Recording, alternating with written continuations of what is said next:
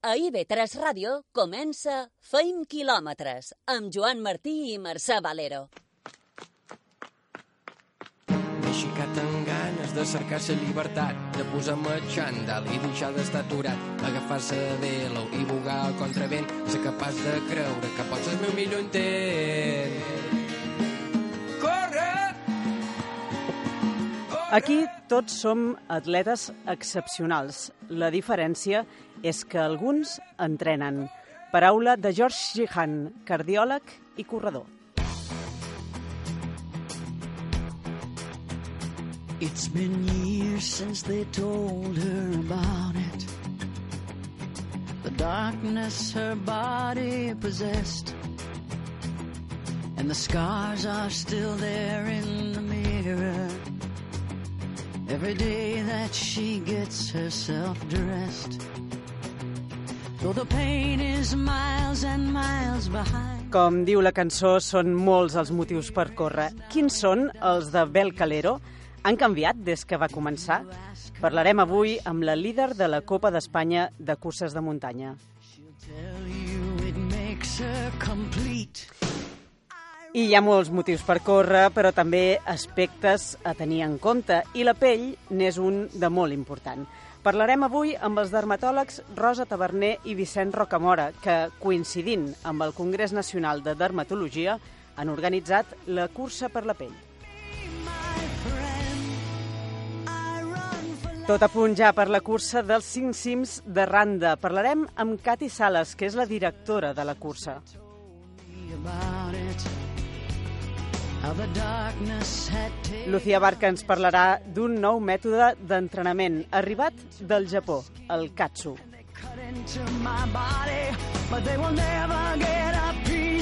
I no sortirem del Japó perquè Carlos Sunyer ens parla avui de Los Siete Samurais, obra mestra d'Akira Kurosawa. Som Mercè Valero, Miquel Àngel Fiol, el control tècnic, i Joan Martí, que avui s'incorporarà més tard.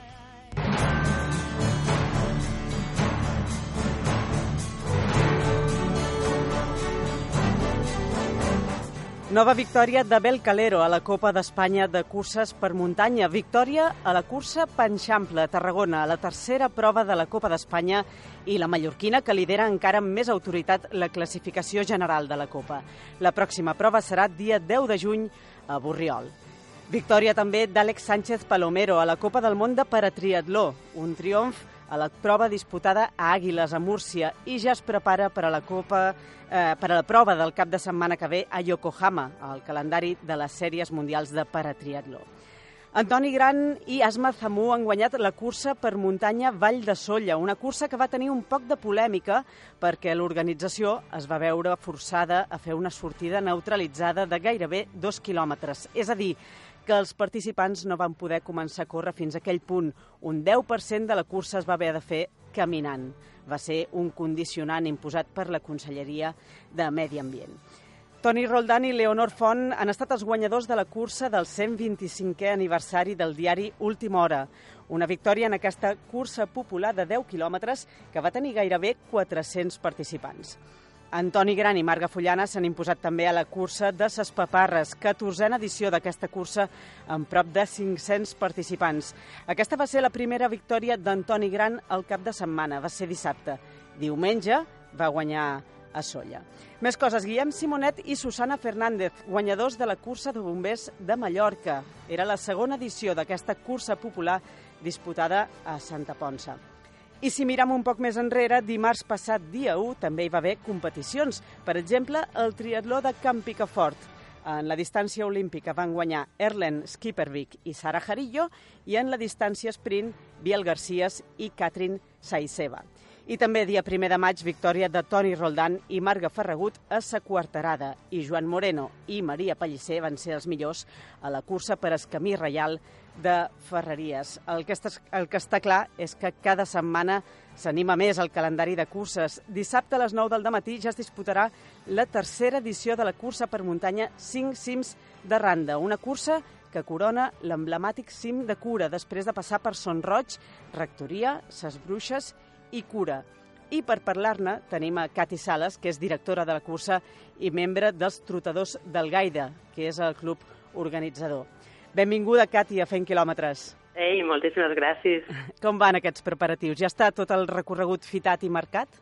Uh, fitat i marcat no, ficat i, fitat i marcat marcarem els divendres hora baixa, sempre a darrer moment, per, per no entorpir, per tenir-ho tot així a punt a darrera hora. I sí que estem en preparatius, estem en preparatius col·locant voluntaris, preparant eh, totes les coses que fan falta, que no són poques.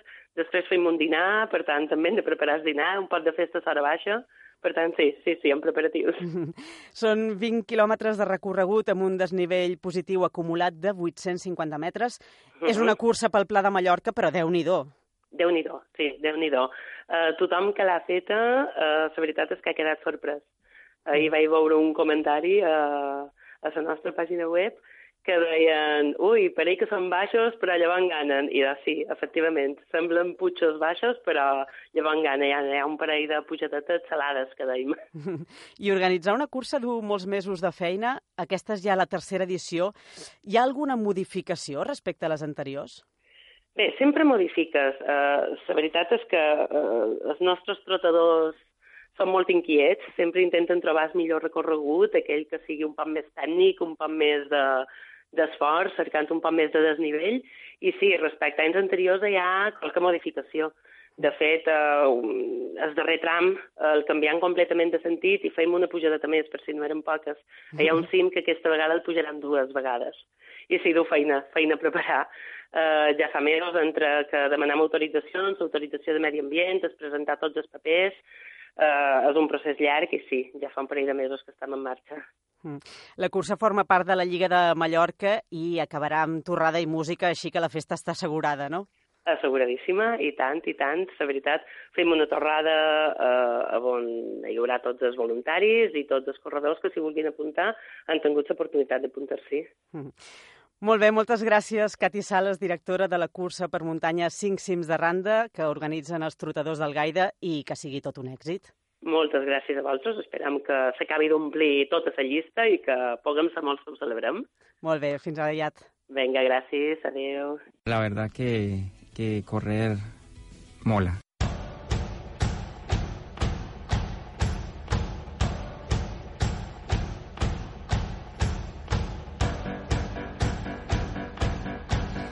I a més de trobar-nos aquí a IB3 Ràdio, ja ho sabeu, també som a les xarxes socials, som a Facebook, a Twitter, a Instagram i a Spotify, i també tenim pàgina web feinquilometres.com on hi penjam notícies i les entrevistes que fem aquí al programa. I com dèiem, també ens podeu trobar a Spotify, a la llista FKM, Feint Quilòmetres, on hi trobareu tota la bona música que sona en aquest programa. I aquí a la ràdio ens podeu escoltar els dilluns a les 6 o els dissabtes a les 7 del matí, perquè molts corredors i corredores ja sabem que ens escolten ben prest els dissabtes mentre van cap a alguna cursa. I ara nosaltres anam cap al xip. Visca 20 quilòmetres! El xip de la setmana.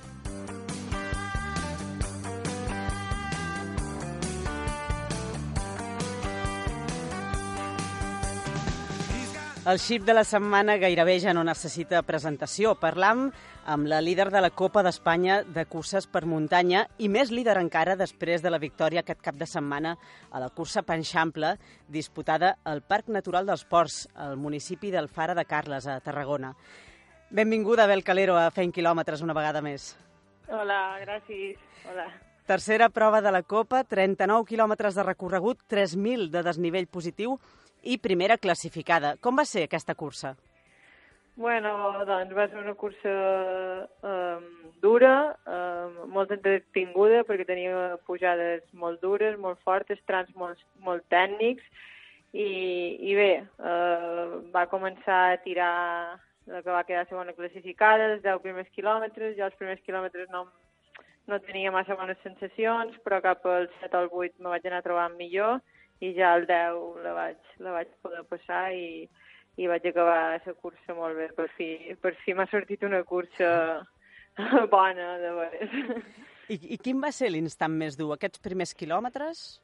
Bueno, a nivell de mental, sí. A nivell mental, eh, superar aquest tram 6 quilòmetres primers que veus que no acabes de tirar, que les cames no responen, que veus una, corredor, una corredora davant teu, que, que, que no l'agafes, doncs són, són moments així més, més, més complicats. Però després eh, tot m'ha rodat i, i el que me pensava que seria el més complicat eh, el darrer tram, que era, que era un quilòmetre vertical al, al, al quilòmetre 30, doncs eh, va, ser, va ser relativament bo de dur eh, al principi tu tenies una mica de respecte a la Copa d'Espanya, no? Ara te sents cada vegada més còmode?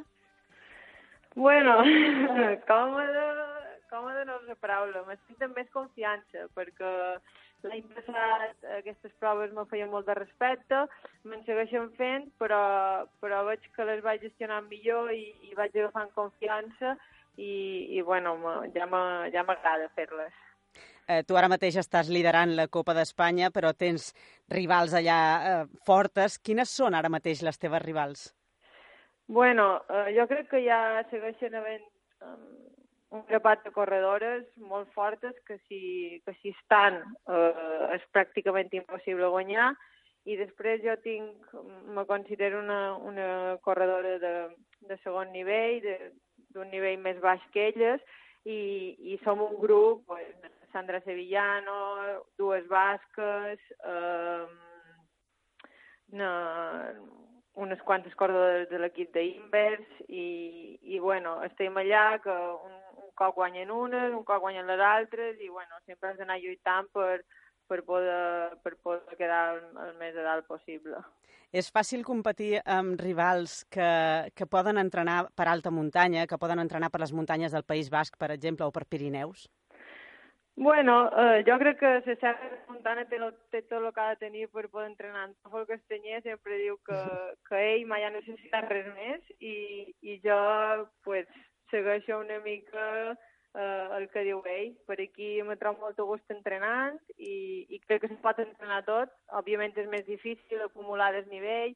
Aquesta cursa és en 3.000 i, i ja ho he notat Uh, però bé, uh, que es pot fer, igual que, que ho poden fer és que, és que fan alta muntanya. Mm. La propera cursa de la Copa d'Espanya és el 24 de juny, si no m'equivoc, a Zumaya, Guipúscoa, però abans, el 10 de juny, hi ha el Campionat d'Espanya individual a Borriol, no?, a València. Uh, també lluitaràs pel Campionat d'Espanya? Uf, és un és una ambició molt gran aquesta. Uh, no, a, a veure, participaré perquè hi anem com a selecció, a part de ser campionat d'Espanya individual, és, és campionat d'Espanya per seleccions autonòmiques, i bueno, uh, jo intentaré estar el més a dalt possible, uh, sé que, que estaran les millors corredores, a part dona plaça directa, la victòria dona plaça directa per l'europeu i amb la selecció espanyola.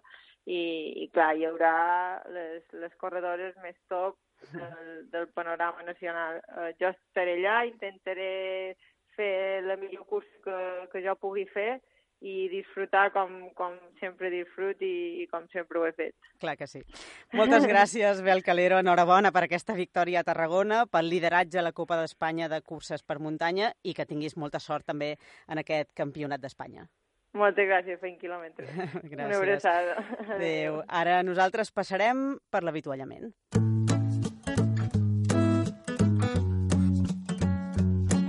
L'avituallament.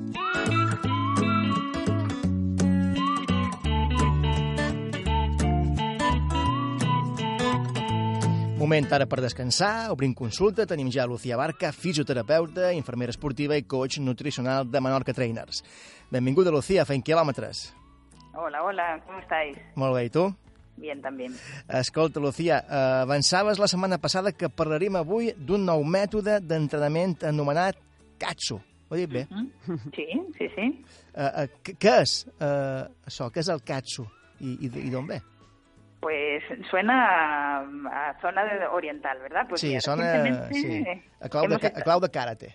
Sí, sí, sí, suena a cosas de lejos. Pues mira, recientemente hemos estado en una formación en Madrid donde se hablaba también de nuevos métodos de entrenamiento y entre ellos hablaban de este método CASU, por lo que nos parecía eh, entretenido pues explicar a ver de, de dónde venía. Mm. Mira, este método de entrenamiento fue creado en Japón por el doctor Sato en 1966. Mm. Y eh, se fundamenta en las respuestas hormonales y anabólicas que resultan al entrenar el músculo bajo condiciones de disminución del flujo sanguíneo. ¿Y esto cómo lo generamos? Pues al generar esta disminución de, oxígeno y nutrientes, la musculatura sometida a tal esfuerzo crece mucho más fácilmente. ¿Y, en qué consiste Suena raro, ¿verdad? Al principio. Pues mira, para disminuir temporalmente el flujo sanguíneo hacia el músculo se utilizan unos métodos oclusivos, es decir, unas gomas elásticas o unas cinchas simples. En estos casos, que es como se hacía de inicio, puede ser un poco peligroso. Se ponían unas cinchas como en los bíceps y otras como encima de los cuádriceps con una mm, con una tensión determinada para reducir el flujo en las extremidades. Esto, a mí que... suena muy malamente. suena raro, suena raro, es lo que nos decían allí.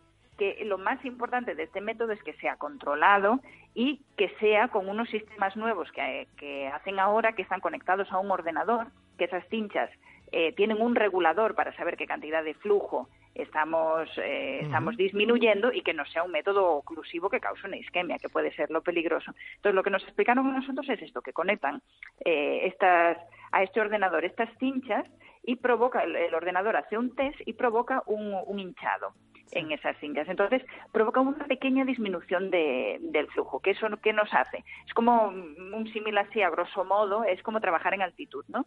Que esas estructuras estén trabajando con menos oxígeno, menos nutrientes, entonces tengan que hacer como un esfuerzo mayor y eh, generan, por lo tanto, eh, un augmento en la fuerza y en la masa muscular.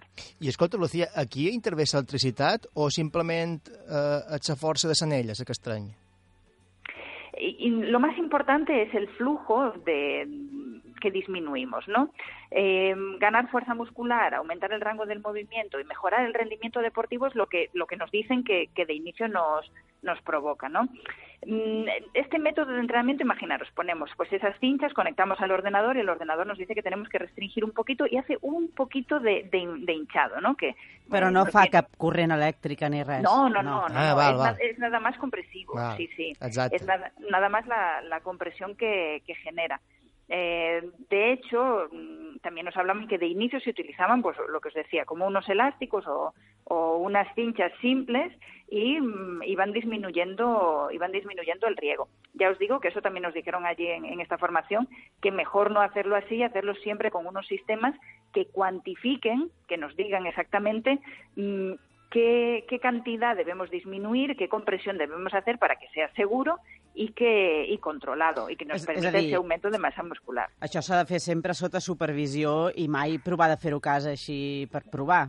Desde luego, es súper importante. Y fijaros, nos hablaban también de su uso en rehabilitación, que se, que se está empezando a usar porque nos permite utilizar con cargas muy pequeñas, hacer un aumento de masa muscular, incluso utilizarlo en personas mayores eh, también que, que, no puedan utilizar cargas y que necesitamos hacerle ganar masa muscular de manera, de manera importante. También tiene un uso muy importante en, en deportistas. Mm. Lo que genera es como un estrés metabólico, ¿no? Así, a grosso modo. ¿Y te contraindicaciones? Sí, sí, sí. Eh, si no se hace correctamente puede ser peligroso. Siempre bajo la supervisión de, de, de profesionales de, de, la actividad física o, o personal sanitario.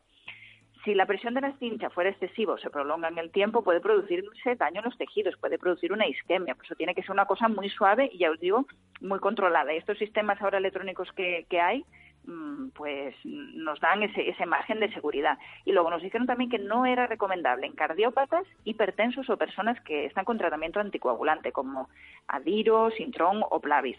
Y como siempre, antes de iniciar cualquier eh, método de entrenamiento, una revisión médica y contar siempre con la ayuda de profesionales que nos ayuden a hacer esta actividad física con seguridad. Es un, es un método curioso, pero sí, però sí eh, que s'està empezant a usar. I quin tipus de lesió podem aconseguir millorar amb aquest mètode? Pues mira, hablaban mucho de, personas con atrofia, atrofia en la musculatura, imagínate. Tras una intervención de, rodilla, una persona que le han puesto una prótesis, una persona que ha tenido una rotura de, ligamentos o una intervención por una meniscopatía. Al colocar estas cinchas, lo que, lo que conseguimos es que generen mucha más, más masa muscular. Entonces, eh, nos puede ayudar a una recuperación más rápida. Hablaban también de, las mejoras en personas mayores, porque aunque las cinchas se colocan en, brazos y piernas, el efecto es, global, es un, efecto en todo el cuerpo, porque eh, ayuda ese, ese estrés metabólico que, que, nos genera en el cuerpo, eh, también eh, lo que hace es que, que se provoque un aumento de la hormona de, de crecimiento y eso también mm, activa mucho el, el metabolismo. También en, en, personas mayores, como os decía, puede tener un, un, uso muy importante. Imaginaros una persona mayor que ha estado ingresada o que por lo que sea lleva tiempo sin moverse, tiene artrosis, con unos ejercicios simples, sin peso, por ejemplo, de flexoextensión, podemos hacerle ganar masa muscular en brazos, lo mismo en piernas, y esto es un poco lo que nos, nos exponían como método de trabajo en personas que necesitan ganar masa muscular. Pero digo, no os imaginéis una compresión muy grande, son compresiones muy pequeñas. Vale. -huh. El Katsu, un nou mètode d'entrenament que arriba, ara comença a arribar a Espanya i que va ser creat al Japó a la dècada dels, dels 60. Uh -huh. uh, molt bé, Lucía, la setmana que ve de què parlam? ¿Qué os parece si hacemos um, un, una, unos consejos, unas claves para no lesionarnos corriendo? Ah, està Ocho bé. consejos. Ah, està Quants? bé. Vuit? Ocho, por ejemplo. Ah, molt bé, Venga. perfecte, sí. La setmana que ve, vuit claus, vuit consells per evitar lesions eh, pel fet de córrer, corrent. Uh -huh. I per evitar, per exemple, haver de recórrer en el Katsu. No ens ha acabat d'inspirar, eh? Uh, moltes gràcies, Lucía Barca, fisioterapeuta, infermera esportiva i coach nutricional de Menorca Trainers. Uh, la setmana que ve mos expliques aquests vuit consells. Claro que sí. Buena semana y un abrazo. Adéu, una abraçada. adéu. Ara farem una aturada i tornem tot d'una. Zona d'avituallament. Tot d'una continua, feim quilòmetres.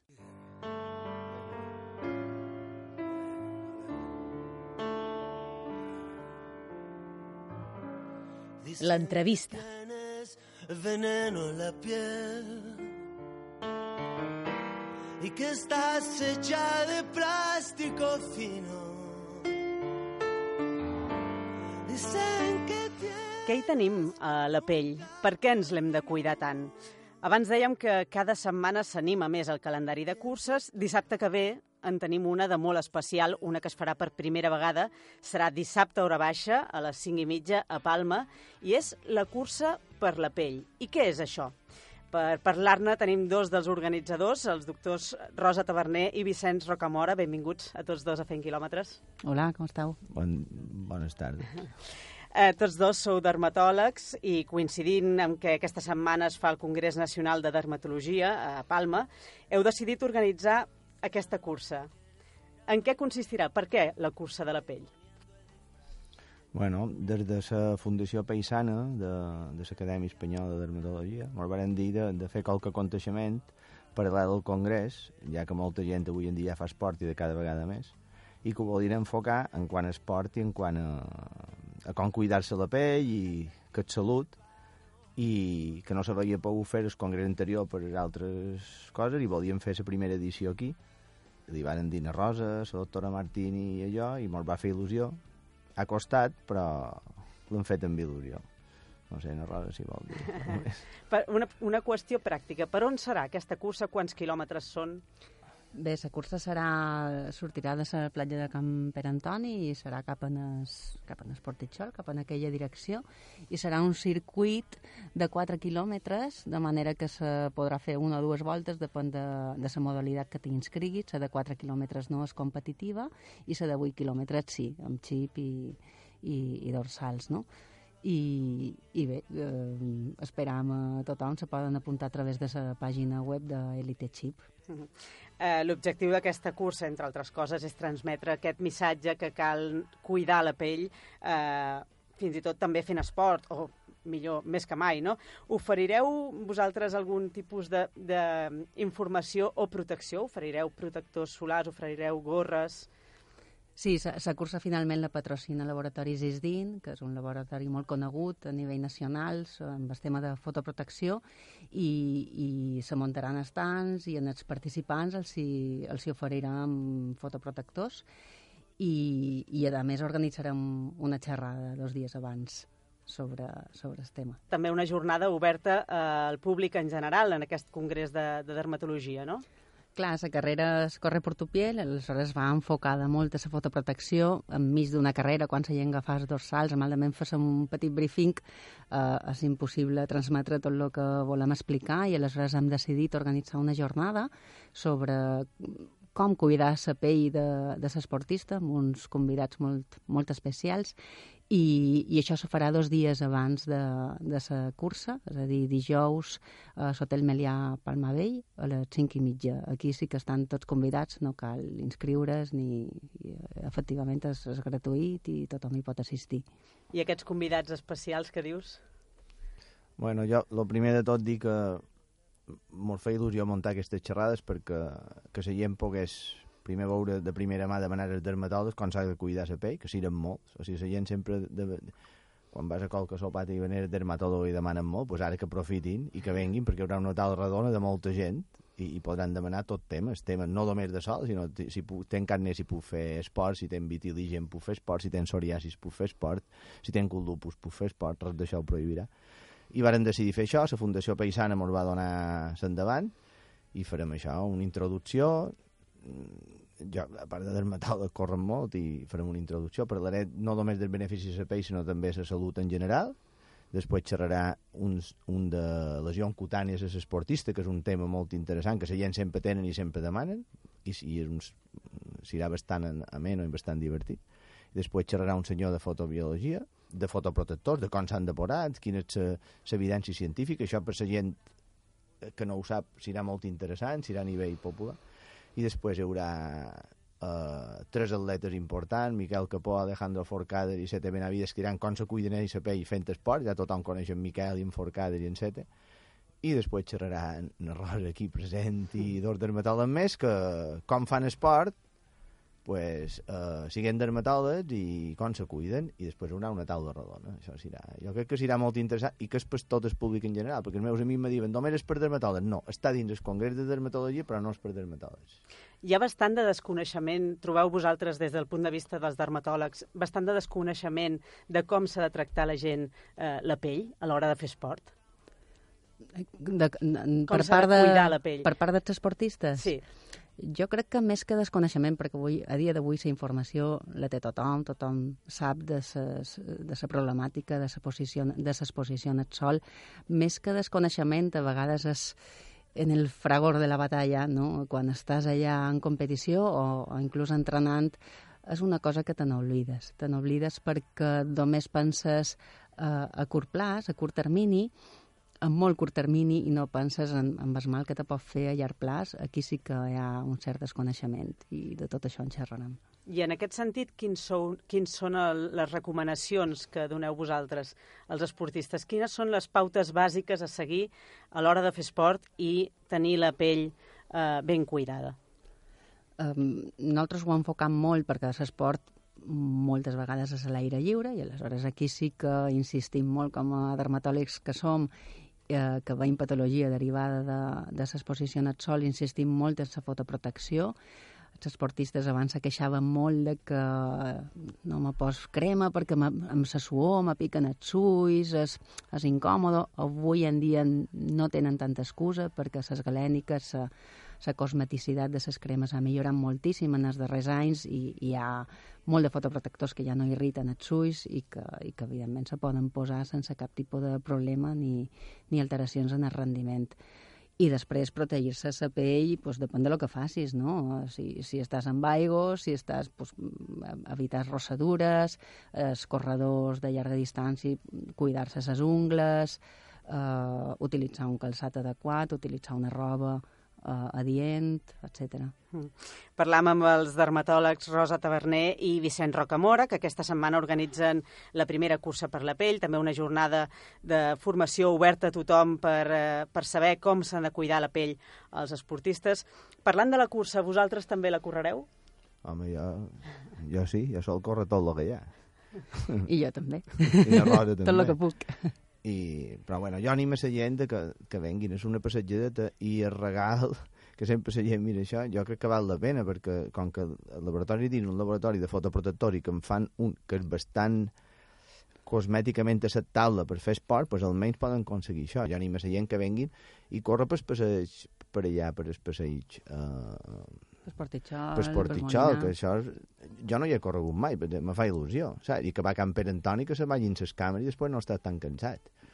I fa il·lusió que venguin. Un tema de la que ha dit de fotoprotector. El més important també és dir que la roba és el millor fotoprotector. Això de córrer sense camia i fer de valent, jo crec que això a la llarga és pitjor. Mm -hmm. saps? O sigui, hem de dir a la gent que el millor fotoprotector és la roba, la gorra i la roba, i després posar-te fotoprotecció són les destapades. Això és el meu consell. Mm -hmm. També sou aficionats a córrer, com dèieu ara. Teniu objectius més enllà d'aquesta primera cursa, ara que parlem de, de, de curses, més enllà d'aquesta, quins objectius teniu? Jo sé que na Rosa en té de, de forts, d'objectius potents. Casualment és el mateix ah, sí? que Mira. té en Vicenç. M'ho d'anar dia 1 de, de juny a Bastions a fer la marató. Però jo tinc un calendari un poc... Jo faig les curses de muntanya, ara vaig fer 50 anys i me van seleccionar per, per la selecció. Com a dermatòleg me feia il·lusió, un altre premi, però... I, però me'n vaig a Menorca, faig 100 quilòmetres de la costa nord, i després anàvem a Bastions, en Menarror, i dia 10 anàvem a Castellón, i després les curses de la Copa de Muntanya, i anàvem fent, i córrer. Avorrits no esteu. No, ni avorrits, cansats estem un poc. Molt bé, Rosa Taverner, Vicent Rocamora, moltes gràcies per haver estat avui a, a Feint Quilòmetre i molta sort amb tota aquesta setmana de feina que teniu i també amb la cursa de dissabte que ve, la, la cursa per la pell. Moltes gràcies, us esperam. Jo espero que la gent s'apunti i també seguir dient, gràcies a Fundació Paisana i Isdin, que, que han aconseguit que, que, que se pugui fer la primera cursa i anima la gent a venir i a la xerrada de dijous que serà molt interessant i pot venir tothom i que ho vagin dient la gent i gràcies als esportistes que vendran, Miquel, en Sete i en, i en Forcades, en Alejandro, expliquen molt les seves experiències i, i gràcies a vosaltres per fer la difusió. Molt bé, moltes gràcies. Ara anirem a publicitat i en tornar parlam de samurais. Que estás intoxicada, eso que dicen que ya no tomas nada, pero me dicen por ahí que sí, que sí, que sí, que sí. Zona d'avituallament. Tot d'una continua, feim quilòmetres. La pel·lícula.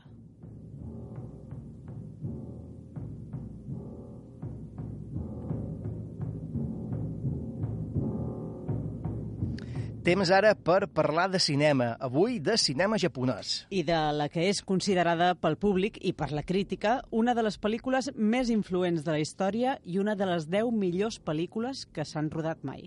Parlam avui dels Set Samurais, Los Siete Samurais, pel·lícula de 1954 dirigida per Akira Kurosawa. És aquesta és la proposta setmanal de Carlos Sunyer, professor, escriptor ara també, corredor, alpinista, cinèfil i crític cultural, sobretot de feint quilòmetres. Hem de, d'elegir un, un d'aquests, de. Benvingut, Carlos, una setmana més. Avui proposes això, l'anàlisi de Los Siete Samurais. Primer de tot, qui, quin és eh, l'argument d'aquesta pel·lícula? Ens hem d'ambientar a Japó en el segle XVI. Uh, un grup de camperols estan assediats constantment, estan hostigats per, per uns, uns bandits que de manera reiterada van en aquests poblats i s'aprofiten d'ells, s'enduen tot el que tenen i en, en definitiva estan ja en plena desesperació perquè no, no, no, no tenen uh, cap, cap manera de poder uh, enfrontar-se a ells i eh, hi ha unes, eh, després d'unes deliberacions del vell savi que sempre eh, totes, totes aquestes pel·lis rurals de Kurosawa és, eh, aquest decideix que s'ha d'aturar aquest abús plantant cara eh, i clar, ells no ho poden fer per ells mateixos i per tant han de reclutar els samurais que samurai eh, pensem que és una pel·li crepuscular de, de, de, del món dels samurais no? d'aquest aquest món d'honor, de, de virtut, de moral exemplar eh, qüestionable perquè està en una època on poden emplear-se fins i tot com a assassins, no? Uh, I uh, com que no ho poden fer per ells mateixos, van a cercar aquests samurais, no? No els poden oferir res, perquè no tenen, no tenen possibilitat, però sí li donen l'únic que tenen, que és arròs, no? I a més hi ha una escena molt bona que li diuen jo no hi aniré a un d'aquests samurais que es, es estan possi possiblement els, el poden reclutar uh, jo no hi puc anar només si em donen arròs. I diu ja però és que és l'únic que tenen. I l'altre li contesta mai m'havien donat tot no? I és fantàstic, això, no? I, per tant, entra ja la qüestió de so no. Hi ha un líder que és en, és en Kanbei, interpretat per en, per en, en Takashi Shimura, que, és, que sempre era en el període de Kurosawa, i que és líder, aquesta estratega, eh, comença a formar aquest grup. I després hi ha un personatge que no és un samurai, un samurai que en parlarem, que és en Kikuchio, que és un camperol que aspira a ser un samurai i s'acaba integrant, ja ho veurem, en aquest grup. Si en tot aquest argument li canviem el títol i li posam Los siete magníficos en lloc de Los siete samurais, estarem gairebé davant la mateixa pel·lícula, tot i que Los siete magníficos és posterior. Quina relació tenen aquestes dues pel·lícules? Molt directe. A mem, Los Siete Magníficos és, un- és una molt bona pel·lícula de l'any 60, a més de John Sturges, que fa un western de, de, sempre de, de, gran, de gran nivell, i a més interpretada per en, en Jules Briner, en Steve McQueen, en, en Bronson, és a dir, hi ha uns personatges molt ben interpretats i hi ha una trama que és pràcticament idèntica però trasllada al món del western. Pensem que eh, en Kurosawa eh, influenciaven aquests eh, directors americans i a la vegada era recíproc. És a dir, aquests westerns tan poderosos d'en John Ford, d'en Howard Hawks, d'en d'en Douglas Sirk, també li influïen a ell. Eh, eh, fins i tot a la nova onada de cineastes americans de l'any 70, 80, Spielberg, George Lucas... De fet, en George Lucas no hauria fet Star Wars si no fos pràcticament per aquesta pel·lícula que comentam avui, perquè el, el gran referent de Samurai va després crear els Jedis de, de Star Wars, no? a un nivell diferent, però igual d'inter- d'interessant. I després hi ha un, un altre remake, que és de l'any 2016, però aquest no, no, no s'ha de veure. Perquè, Simplement. Així de clar, eh? perquè ja és, és un insult en aquests dos, eh, aquestes dues pel·lícules molt bones. Parlant però de los siete samurais i qui crida l'atenció d'aquesta pel·lícula, d'aquesta com bé comentaves ara, és el personatge de Kikuchio, interpretat per Toshiro Mifune. Ningú no el vol, és un camperol que ningú vol, però després de fer molts de quilòmetres acaba sent ell un dels elegits per la missió. Com, com s'ho fa?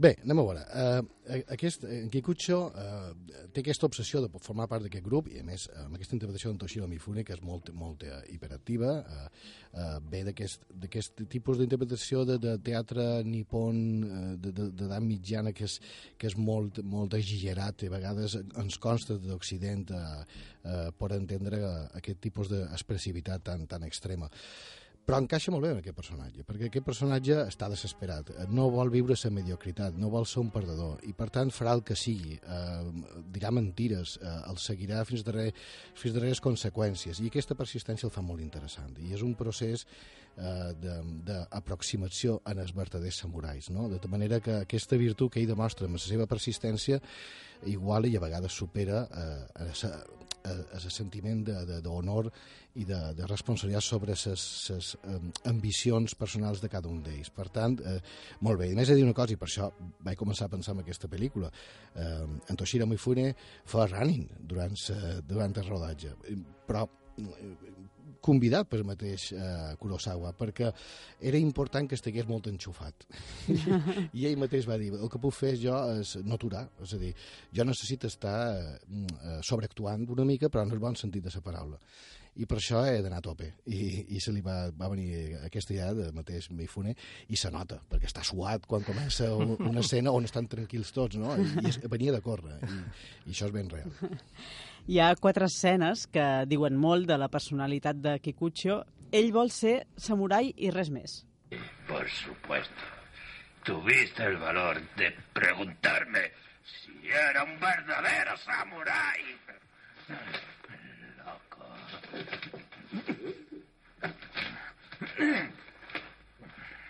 Mirad. Ya lo veis. ¡Soy un samurái! Sí. Te buscaba. Te he estado buscando desde entonces. Quería enseñarte algo.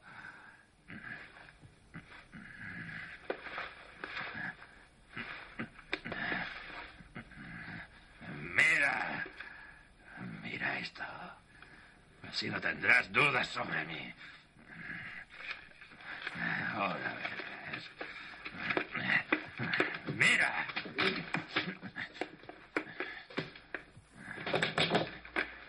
Mira esto.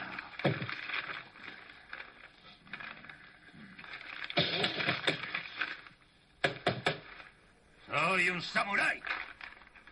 Tú debes ser Kikuchio. Sí, señor. Eh, nacido el 17 de febrero del segundo año de Tensho. ¿De qué te ríes? O sea que solo tienes 13 años. Oye, si eres el Kikuchio que se menciona aquí, solo puedes tener 13 años y estás muy mal conservado. Eh, Dinos, ¿dónde has robado este documento, eh? ¿Qué?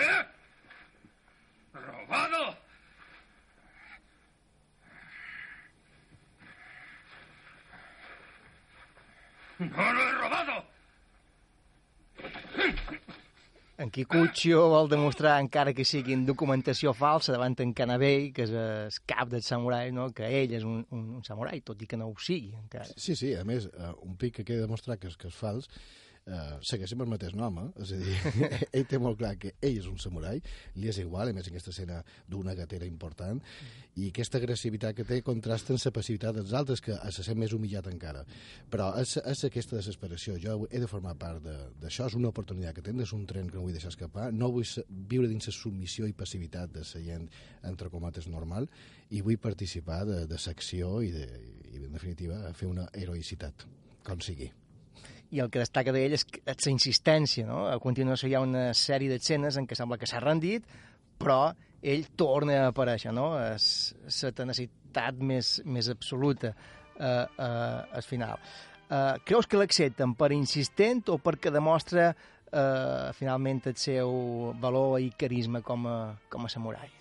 Bé, com qui passa de, passen de la curiositat, passen de, fins i tot de l'humor, eh, mm, a, a, sa, a, a, a, la percepció d'aquesta ànima eh, eh, plena de, de, de, de, necessitat, això, aquesta persistència, aquesta determinació, aquest fet de que rendir-se no és una opció i li és igual si se'n riuen d'ell, eh, això fa que a poc a poc ja li vagin agafant eh, com a mínim efecte. I aquest efecte serà el primer pas, perquè encara no plantegen, de que acabi formant part vital d'aquest grup. Aquí hi ha un exemple d'aquesta insistència.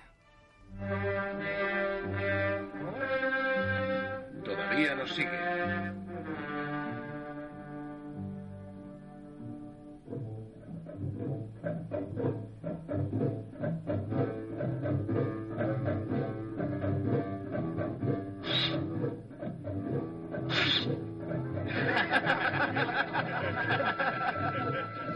Todavía no sigue i comencen a tirar pedres, però ell continua darrere. Sí, sí, i més els ignora, se se posa a pescar allà al mig i és com si no hi estiguessin. És a dir, no li arriba cap tipus de, de, de sensació negativa que se'n riguin d'ell. I al final arriba el moment en què ja l'accepten i, i com ho fa? Doncs demostrant iniciativa i intel·ligència. Provoca una falsa alarma al poblat fent evident la por i el temor dels camperols interessats. ¿De qué dirección vienen? ¿De dónde? Sí, por allí, por allí. De acuerdo. ¿Quién ha visto a los bandidos? Vamos, ¿quién los ha visto? ¿Quién habrá sido? ¿Quién ha dado la alarma? ¡He sido yo!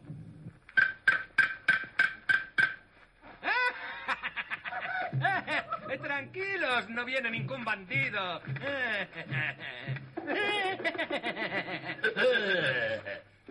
Sois unos ingenuos, ¿eh? Es evidente que tenéis miedo.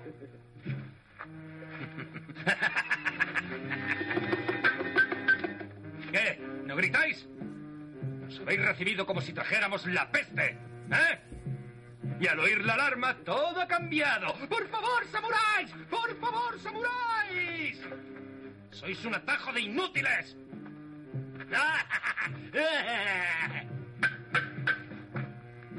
Serán idiotas.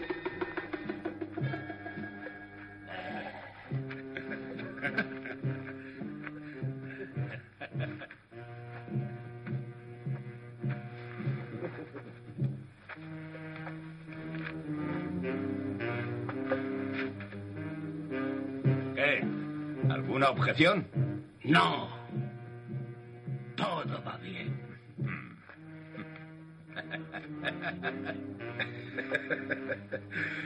Al parecer el chico no es tan tonto como parecía. Ahora ya somos siete. Finalment l'accepta, no?, davant aquest fet, i ara, ara ja, sí, I- som, i- som set, diu en Canadell. I, I més, està molt bé el moment que diu ara ja som set, això, això és boníssim.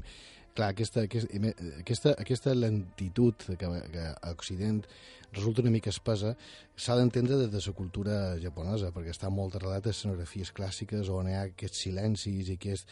Inclu... Fins i tot hi ha, hi ha improvisacions per part de, de sector que dona voltes i tal, però eh, si un eh, veu moltes eh, pel·lis d'aquesta època, sobretot d'en Kurosawa, eh, està molt bé, perquè és un moment de transició claríssim de la pel·lícula, i, i a partir d'aquí aquest, aquest actor ja es mou d'una altra manera, és personatge, per tant, ja es veu de, de diferent eh, eh, perspectiva. Clar, ell que deixa molt clar que, que, que el que fa poderosos els bandits és, és la debilitat dels bandits, és la covardia dels bandits, i, i més hi ha aquesta doble moral de que, de que s'estan aprofitant d'ells, i quan ells són els que s'ho llogaran sa vida. I, eh, a més, hi haurà un parell de, de, de, de camperols que aquí també reaccionen i ja començaran a plantejar-se el fet de que, de que val la pena eh, lluitar. Clar, però ell per què vol demostrar la por dels camperols davant els bandolers?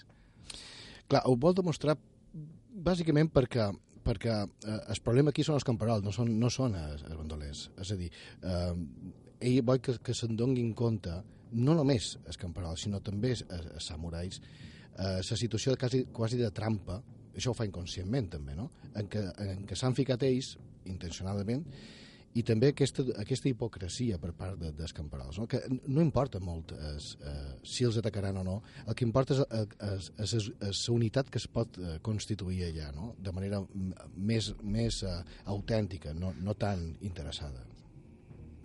I arriba un punt en què en Kikuchio és imprescindible per a en Kanabei, que és el líder dels samurais. De fet, això es fa evident a la batalla final.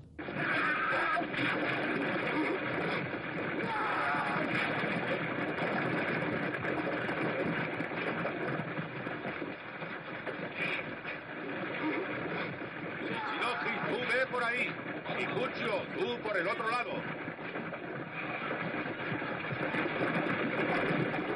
Clar, simplement això ja, ja en Kikucho ja entra aquí a dins el joc de, de la batalla, dins les ordres d'en Canabé, i li diu eh, el que ha de fer, cosa que fins ara no, no havia fet. Fin, fins ara no, però ara ja forma part de la tàctica de, de defensa de, de, del joc, no? I, i de manera molt activa i, i merescuda. I nosaltres també, com a espectadors, oblidam en aquest personatge eh, quasi ridícul que hem conegut al principi de la pel·lícula i ja el veiem com un, com un guerrer, com un samurai. Un samurai més.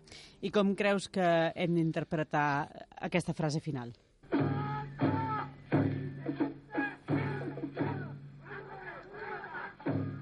Otra vez hemos sido derrotados. ¿Cómo? Sí. Los ganadores son los campesinos. No nosotros.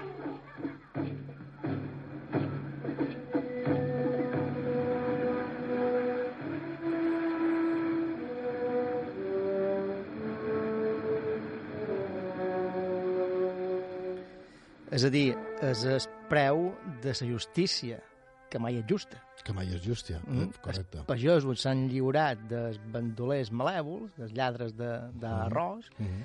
però els samurais ploren perquè han perdut molt.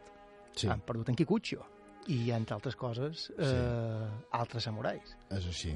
I, a més, han perdut eh, donant el, el millor d'ells, que això ja se remunta enrere, quan els samurais eh, que lluiten per, per, eh, per, per persones que suposa que són referents. I, i ells...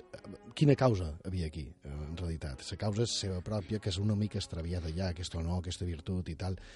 Eh, I han, estat, han, estat, han viscut una situació on havia un interès però ell, ells han jugat els primers de tots en aquesta, en aquesta situació sense que ningú els obligés.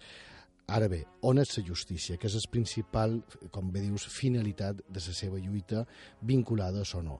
No és aquí, és a dir, eh, eh, només han perdut ells. De fet, està molt bé, perquè aquesta escena els camperols els ignoren completament. Estan allà que canten i ballen Estan i, i, i sembren feliços. i, I, i no crec que posin cap flors, eh, cap moment de sany eh, a les tombes d'aquests samurais caiguts. O sigui que això fa reflexionar bastant. I tant. Bé, podríem estar hores eh, ratllant del perquè de les coses a les pel·lícules d'en Kurosawa. Sí. Res i és perquè sí, tot, tot té el seu sentit. Los Siete Samurais, una obra mestra que toca tots els gèneres, també drama, acció, humor, romanticisme, també hi ha humor, no, no n'han xerrat, però també hi és, i sobretot eh, Kurosawa, cinema d'autor, un clàssic. I tant, sí. I més aquesta pel·li va ser que la primera que va ser un èxit a Occident, també. I va ser premiada amb el Lleó d'Or a la Mostra de Venècia del 1956 i millor direcció artística i millor disseny de vestuari als Oscars també del 1956.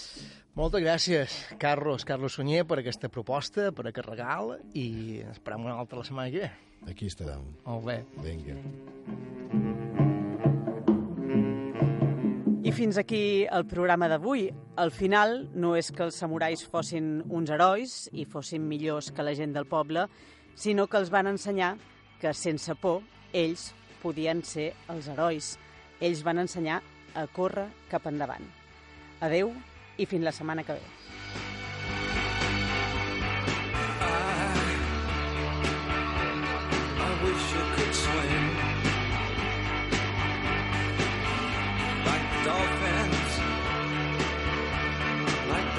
Can swim.